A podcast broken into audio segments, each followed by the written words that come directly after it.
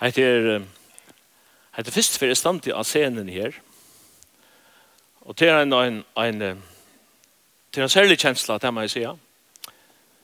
Og hette størstlig og flott, og hette er glede meg øyne, så ikke det er. Jeg vet ikke hva jeg skal si, altså. Man, hette er så iverreldende. Men det som er så ikke her, jeg husker huset, huset, huset, huset, huset, huset, huset, huset, huset, huset, huset, huset, huset, huset, huset, huset, Kunne bera Jesus, evangelium Jesus ut och att bygga Guds folk upp. Til det det till.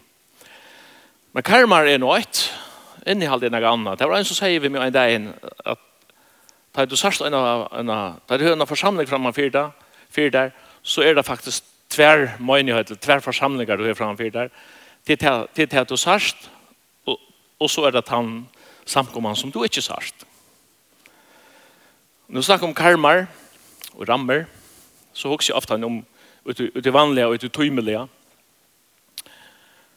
Da vi tar som et hus. Alle ikke vet et hus av byggvøy. Og når jeg kvar de fleste som har et hus av byggvøy. Det var enda for en, en familie som bodde til løye, Med vår kone til noen døtter. Og henne døtteren opplevde det at hun hadde et øyla trygt hjem. Men det bodde jo en uibo som det leie av. Så en dag så sier hun mamman vi, vi døtte när at jeg er så kjett om han vil ikke øye et heim. Og så hikker jentan på mamma sin, og så sier hon man vil øye et heim, men vi mangler et hus av hver heim er i. Det er ikke som øye et hus i men det er øye han ikke heim. Og mulig er det nek som har et heim og et hus. Men heim er noe så enn det viktigaste. Heim er ikke timper og betong, men det er det som Jesus bytjer til. Han sier, jeg skal bytja mine samkomma, mine ekklesi, eller hva det er, av grunnmalen, som betyr at, at folk som er kattlet ut og er halka til et godsverk. Og han sier, og de er rødkjens porster skulle ikke få valda henne. Mine tankar i morgen, det er nemlig om en mann som säger farväl till huset, tja, här, vi kan säga det på samma måten, och far ut av livet en uttrycka tillvärde. Jag vet inte om man kan säga att, att han säger farväl till sitt hem, men eh, god vär hans här bostäver och anlit. Det ständer således i första Mosebok 12 att Herren säger vi Abraham, fär ur landet tøynun, fra skiltfælse tøynun, og fra huset fægers til landet jeg skal vise til her, så stend, jeg skal gjøre det til et størst folk, jeg skal sikna det, og gjøre navn til et størst, og du skal være til sikning. Jeg skal sikna det, og jeg sikna det, og ta i ter bannar, hon skal jeg banna, og i ter skulle atler atter av hjørne være hva sikna jeg. Hese mævren hei et heim, han har et hus, han bor i Ure Kaldea. Jeg har lyst til om Ure Kaldea, kulturen her, som er rymne høyt utviklaver, Men eh, selv om det var ekla framkomna nekve nøyden, så fyrtjeng så fyrtjeng av hunali ting ui, ui, ui, ui kaldea. Mitt landa badna offringar var pura vanligar i tui kulturen. Og Josva sier enn for flere hundra år søttene vi, vi Israelsverk, han sier, hinne menna ånda bo Abraham, feir okkara, og han var en avgoda dyrskaitel, han dyrska i fremmandar godar. Så hese mæren er utvalder, ikke tog han var framme eller bedre enn ånderfald, han var akkurat som ödlin, men god sier vi han færre ut. Og Hebreerbrevet sier, han fra sted, og visste ikke hver han kom. Jeg vet ikke om jeg klarer det, hvis jeg var sender av sted på hånda, så har jeg sagt, jeg vil ha en, jeg vil ha en tourguide, jeg vil ha en vita synder hver heter Snursjomsen. Men Abraham fra sted, og han vite hver han kom. Og det stender at han levde i kjølton, og i landet lyftesins som fremmanter. Og tog han vant i stegen som hei fastan grunnvall og hvers bytjemøster og skapar er god. Fær ut fra landetøyden. Det vil si brenn alla brøyre av, slepp ötlen for tøyning og fær ut. Men hva så? Jo, god sier, jeg skal være vitt her. Og til tru ting han lovar i honom. Nummer 8. Jeg skal gjøre det et land Nummer 2, jeg skal gjøre det til et folk. Og så nummer 3, jeg skal sikne det og gjøre det til sikning for ånder.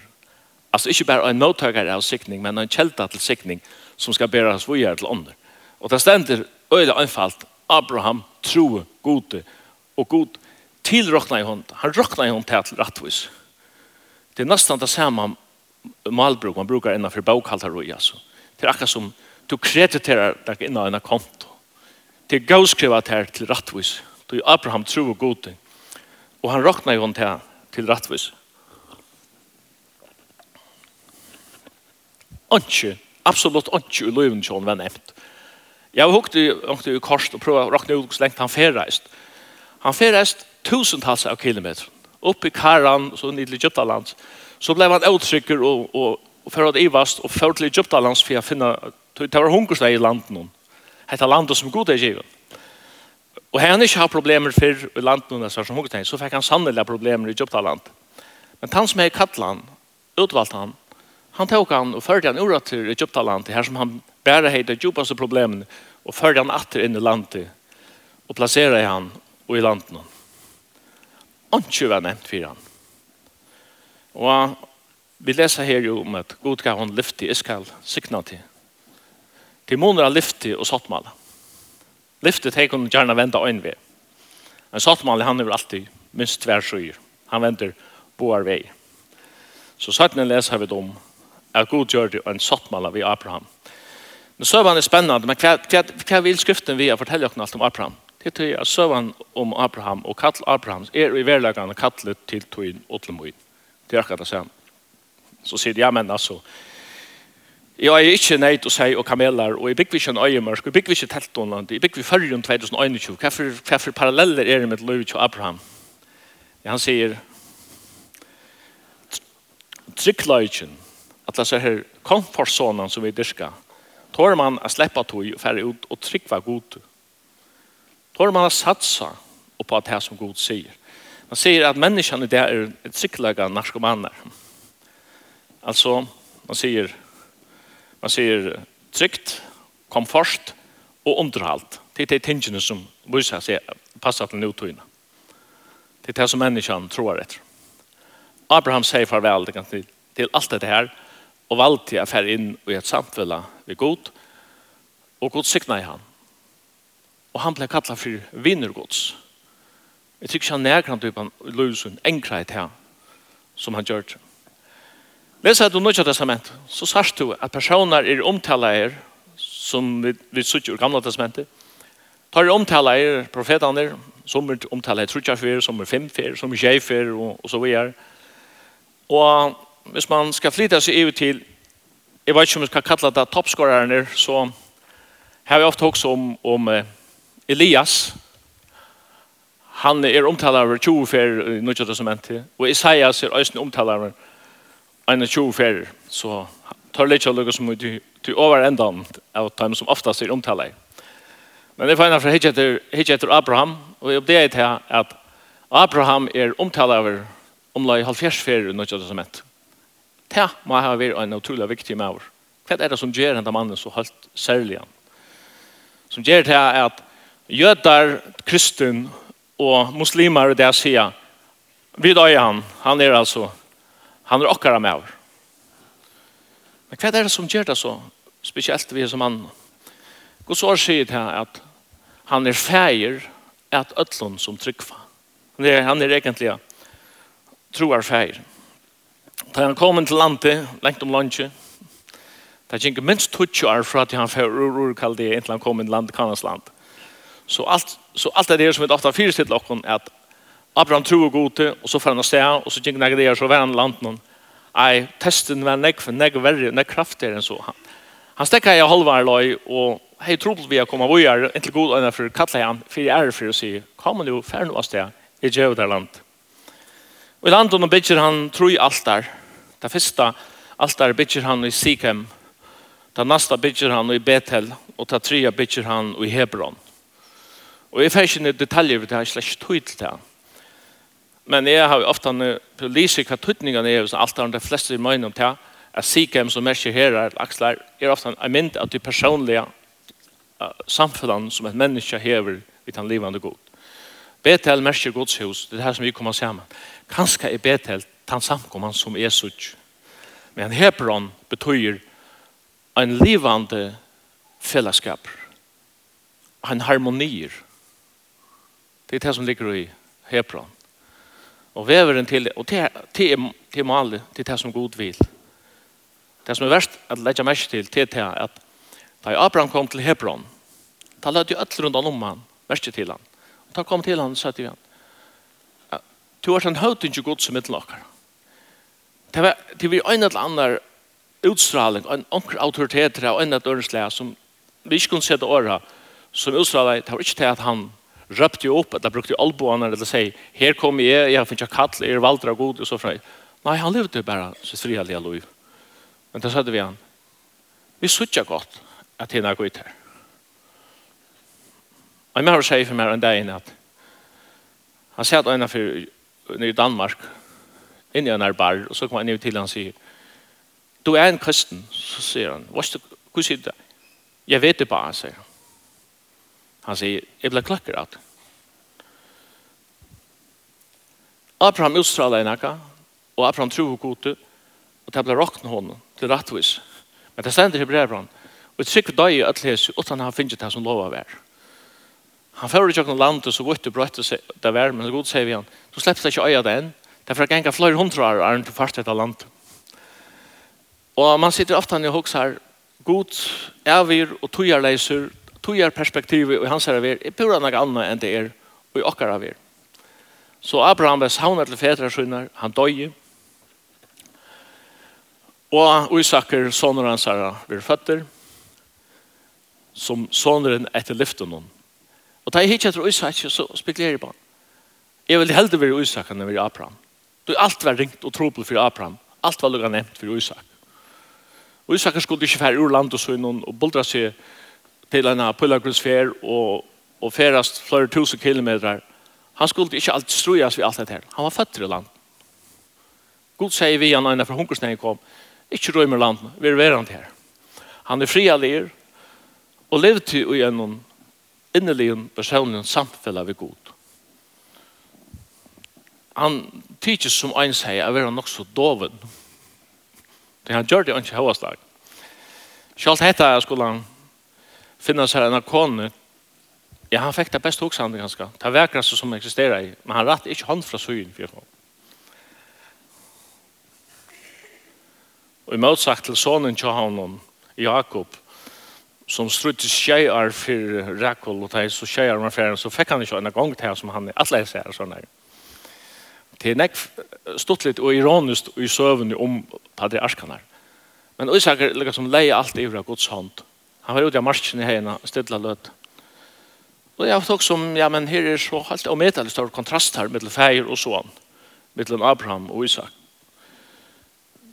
Jeg så ikke det som at Abraham er en mynd av det som Nødja Testamentet kallar for struihytt gav og struitruaren her, om struitruaren her.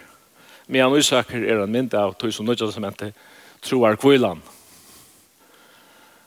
Troar kvillan og troar strøyer er paradoxer. Akkurat som da jeg leser Paulus og han sier at ta og jeg er veiker, ta er jeg sterk. Det gjør låg, låg, altså, det gjør onka møyning hvis du hukser rundt lågest. Hvis jeg sier vitt det, ta du har malet husen kjattar kvui, ta er det svart, så er det sagt, altså, hallo, hva mener du vi, altså, det henger jo ikke sammen, så. Ta er veiker, ta er sterker. Men, Og i en andalig perspektiv, så gjør hans tingene mening. For det er, det er godt styrke hun vil fullkommen ut i menneskjelle veiklag. Da Abraham er 95 år, ta hente naga, 13 år var gynnsyn, så han fikk sonen Ushmael vi hakar. Og han er livet i 13 år, og tog fotle vissi om hesen dronger som nu er fatter, Hette sonen etter lyften som god til å lova mer. Og i avkomtøyne skulle allar atter av hjørne være valsikna her. Det fyrir tror han at det kom til å være en brorsoner, en lott, som skulle arve han, sånn, men god, gjør det til at han måtte skiljas. Så har han en tænare som er lukka som sjefren i Vratland hushatten til Abraham, Elias, Elias er Damaskus, og god, god sier, og når tar prata og sammen han og Abraham, så sier Abraham, hesten her tænaren kommer, han får arva med, så sier Abraham, Så sier Herren, nei, det er en som kommer ur til en egna løyve. Altså, til et egna biologiske avkom som skal arva til. Og han fær en sånn vid trellkvinne, Hakar. Og sjálvande sier han, nu er han kommet, soner et lyft noen. Det heter min soner, heter mitt bad, heter mitt halt og mitt blå. Og det merkesverdige er at han er at Ishmael er født så ganger 13 år og leser det første med til fullkommen og totalt høyden ødelese 13 år.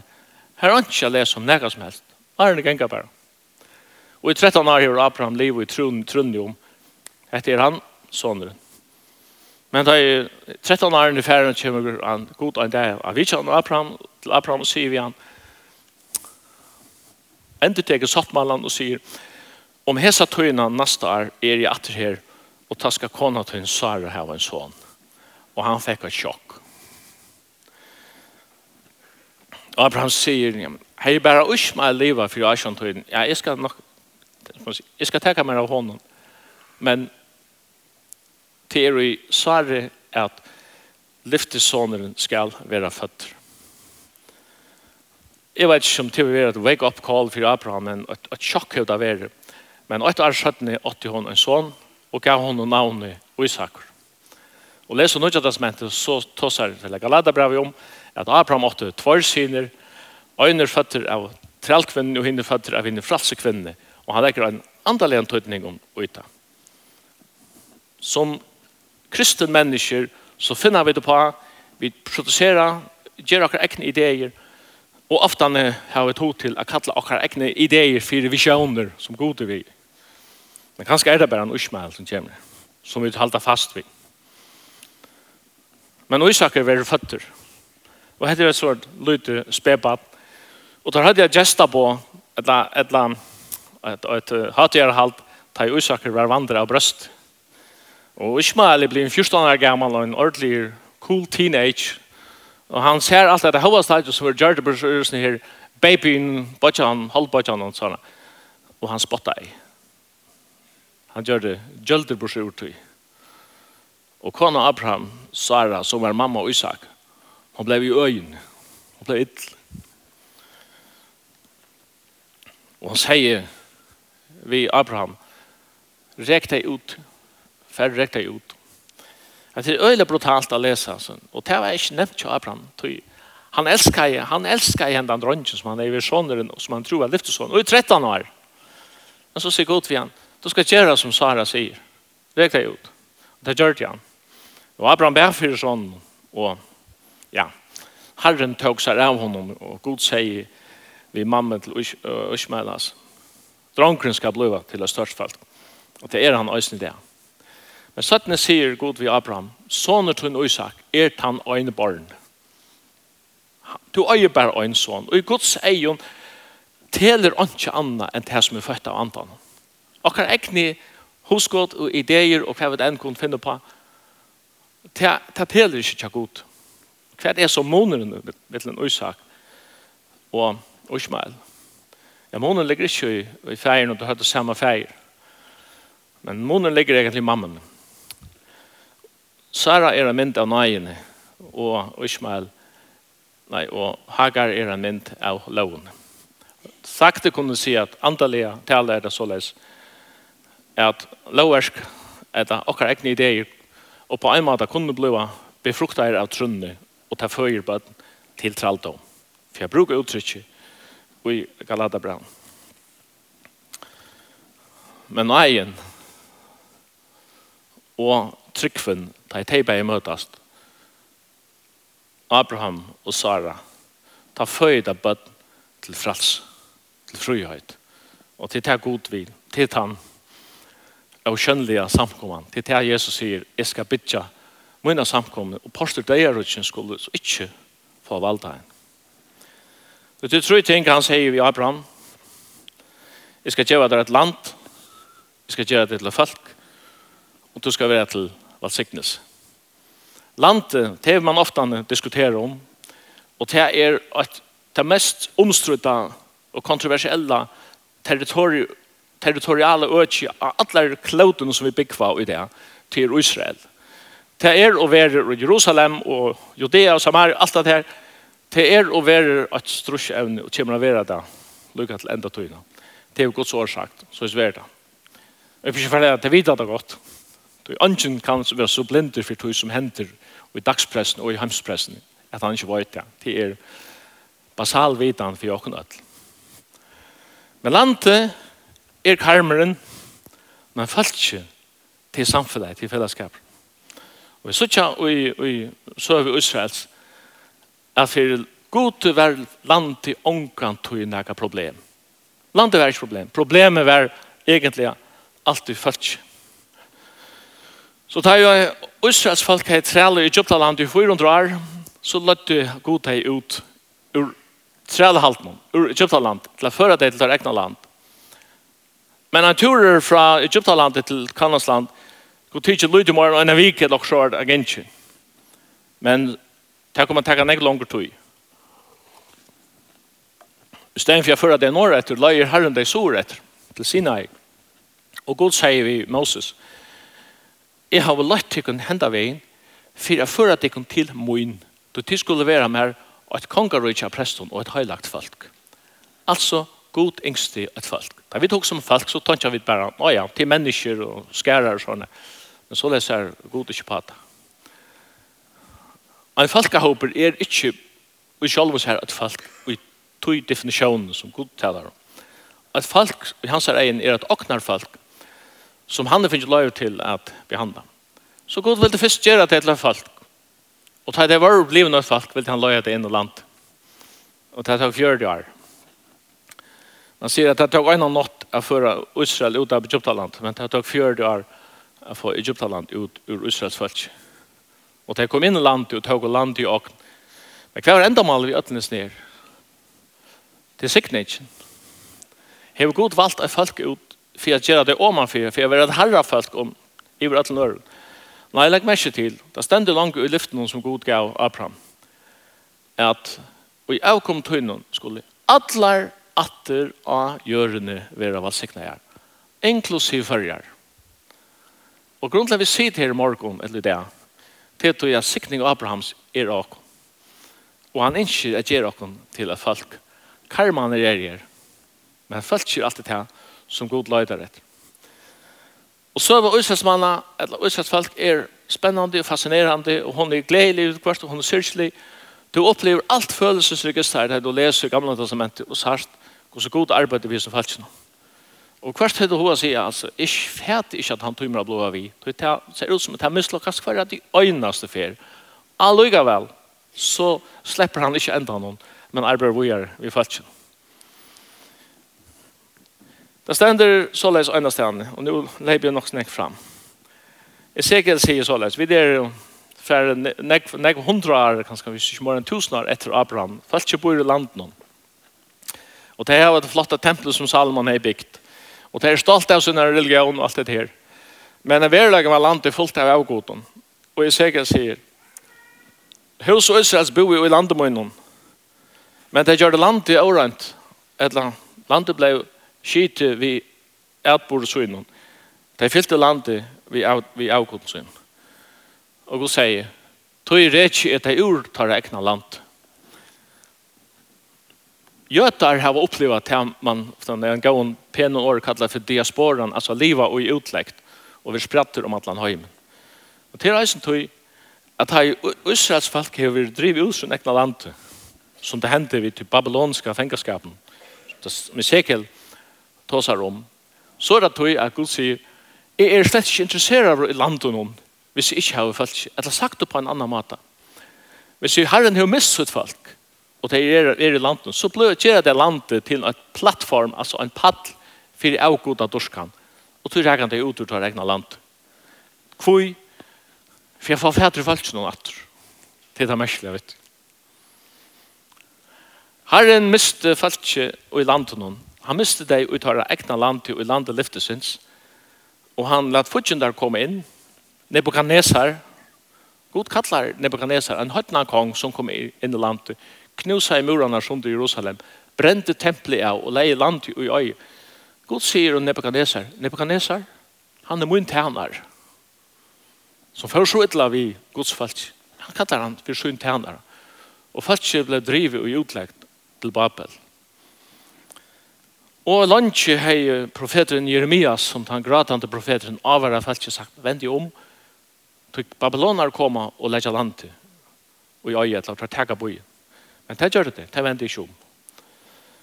Og det hendte just som Jeremias hei boa og sagt, landet blei inntidje, Nebuchadnezzar kom inn her, og byen ble lagt i øye, tempelet ble øyelagt, og, og Jeremias sitter av, hva skal man sija, av øskedungan i Jerusalem og skriver sorgarsangene her. Og han ser bare øyeng og lente rundt om seg. Så skriver han noe som i halte i røyla løy. i kylje det hans. Han sier, Han sier, men nøye gods er nødt kvønn morgon. Stor er trofest i hans herre. Sankeren stor er trofest trofeste. Nødt kvønn en morgon er nøye for det. Han er bønnes tids som inspirasjon ur sorgarsangen. Ta Jeremias sitter av ruinen i Jerusalem og hykker. Hvor er nøye gods stor? Prøv å åpne egen i Jeremia. Hykker rundt han om det. Altså, du sart elendig, altså. du kan ikke snakke så. Men han sa ennå det ukjennelige. ikke være utleggt. Men her og i landet noen lengt borster, og i Babel, her vakna jeg en, en, en menighet som for å søke god. Vi lesa. jeg levde i alle årene i utleggt. Profeteren, Daniel og nekver er levde i utleggt. Med på synd og. Og tank der til hva tar av giv i okkon ur Babel. Og en del av god falt ikke hjemme til til tar egna land. Hvor er det? Tui, han er faktisk finnes ikke falt seg atter, og nå er det rett til å komme inn til land. God er ikke interessert av i land noen, utan han er falt seg. Jeg kom Abrahams i nevnt i 2019. Vi leser at Herren fikk Da Herren taler vi Abraham, så sier vi han færre ut og hikk opp i luftene, altså i nattene. Er det skjøtning, det er ofte skjøtning klart i mye, og du sart nekk mer skjøtning her enn du sart i følge. Det er ofte han i luften mer inni helt mer vete eller fukt her. Och han sier, han sier til Abraham höjer upp luften han sier, så läs skall til å være som skötten nära himlen och som sandun av sjöarstrand. Så läs skall avkomt ut vara och tärda sandiga. Men där han sier, och i avkom med tøynen skulle alla atter av görnen vara her, Ta tossar man inte om myriader om miljoner av avkommer. Nei, ta sier han avkom i og i øyntal, og i absolutten øyntal. Vi tosa om en person av at Abrahams, som atlar atter av hjørne skulle være valsikna her og i tjøkkenen. Og jeg prøver ikke å fortelle deg hvor det er. Jeg vet det. Lange, lange tar jeg av lise første vers og i Nødja Testament. Jeg leser 8 vers, så har vi langt rent mye i Abraham. Matteus byrjar vi nøkron, i menneske er jo så turrusligt som en er attartal. Alle første kapitlen er en attartal. Tar så skriver skriva grøynar av imiskon portalen og forskjellsvåren, tar snakk om hvordan tøytningar mykje en innleitning eller en iveskrift er for jeg fengar interessen av kjafelt. Nå er som mente, han er slett ikke Og mennesker sier, forstår jeg ideen av fenga leseren, og han begynner vi til turrasta som du hele tiden kan huske det, ved en attertall. Men det er ikke skrivet på menneskens premisser. Det er skrivet på Guds premisser. Attar til Jesu Krist, sonar David, sonar Abrahams. Abraham var til Isaker, Isaker åt Jakob, Jakob var til Jota og brøver hans. Jota var til Peres og Sera, vi Tamar og så videre. Og så først du gjør noen atle attertalen. Jeg har ofte sitt i grunn til attertalen. Jeg har undret meg. Undret meg over at alt attertalen ofte er så mannskjånistiske som der er. Det blir ikke for slekten av våre utan kvinnorna. Men alltså, så løs nu världen och ännu. Men det passar, kvinnor är nämnda i 8,5 nu, men äckfölja fåar. Och här är så kommer den första som er nämnt. Jota, åtte Peres och Sera, som åtte tvillingar. Vi tamar, till den första kvinnen som är nämnt. Och det är sitt leser det här också och sier jeg, att det är ikke stum att skriva, att det är føy under och tepp. I verløkene, kan du lese i gamla testamentet hvordan Tamar gjør det vi bad og fikk Peres og Sera. Hon ble gravid i prostitusjon. Så sier man Matteus og skulle huske så i takt hatt halde vi feir under tepp. Men dette bausen er så øyelig ærlig. Hon er så ho ærlig. Når han så tenker mennene i at Hessen var til Ram, Ram var til Amenata, Amenata var til Nasa, Nasa var til Salomon, Salomon var til Boas, vi Rahab, Og hatt var kvinna nummer 2. Hon bor i Jericho. När vi bor i Parstre. Og vi bor til henne var plass og vi bor i muren. Så hon sa karavanen er til der ferreist. Og så visste hon når hon kunne få kontar. Hon var øyne prostituera. Det er, det det løye litteraturer, det må jeg altså si her. Helt er. Boas at i åpet, vi rått, no? men var bitt kvinnan, som sambart sambartlaun ikke har løyve til å være i samkommet Israels. Men så er stendet her. Isak og David kong, David og Salomon, vi kon i Urias, og så løs kom du hilde fram. Det er ikke det mest perfekta attergranskje du kan være. Men så løs her, vi kan ta sånn til man kan si, om så kan tala det moralska forfattelig. Men så kommer kongar rett han, og ta øtas man vi. Ezekias åt Manasse, Manasse åt Ammon. Og jeg husker meg selv, Manasse, som var konger i Jerusalem, han fyllte, han fyllte byen og landet vi avgåten. Han løtte falskje til forfall. At det skal balanar, avgåtanar og målok. Moloch måtte være den mest anstittelige avgåten. Han kravde badneoffringar. Målok. Til å si at uh, tar tog spebøttene livande og blægeitar til en brennande Moloch Da blekka i bøtten bokstavlig og i eld. Så grusomt av hun alt. Hette var tar vi stykkelige syner fra høtningen som god heier ikke borster fra Israelsmannen. Det innførte kongren Manasse. Og han slapper av et halvt rusjår. Og han hender at han her. Jeg skiljer ikke nekka av oss ned. Det skal gå fyrs. Men jeg gjør alt dette her. Jeg gjør noen hessa at som er uimynden av öllum tøy som det fallna menneska i fangt vi, så leser jeg til endan her at Jakob og Josef, mann Marie, og henne var Jesus fatter, han som kallas Kristus. Så les endar det her. Og jeg sier det etter. Til nøye gods at det ikke ute ved oss. Ståre trofestjanser. Jeg tar ikke så gode for det. Det var mennesker som fortalte mer om frelseren og brente for det og at han ble min, og at jeg er han. Og, og, og, i en ofullkomnen heime, så er Jesus min vagn og mitt alle. Sånn er Guds og heimsens frelser. Og det blir vagn om at han øyne er vi Men herre sikna tikkene alt, og jeg har en gavan sundag framme i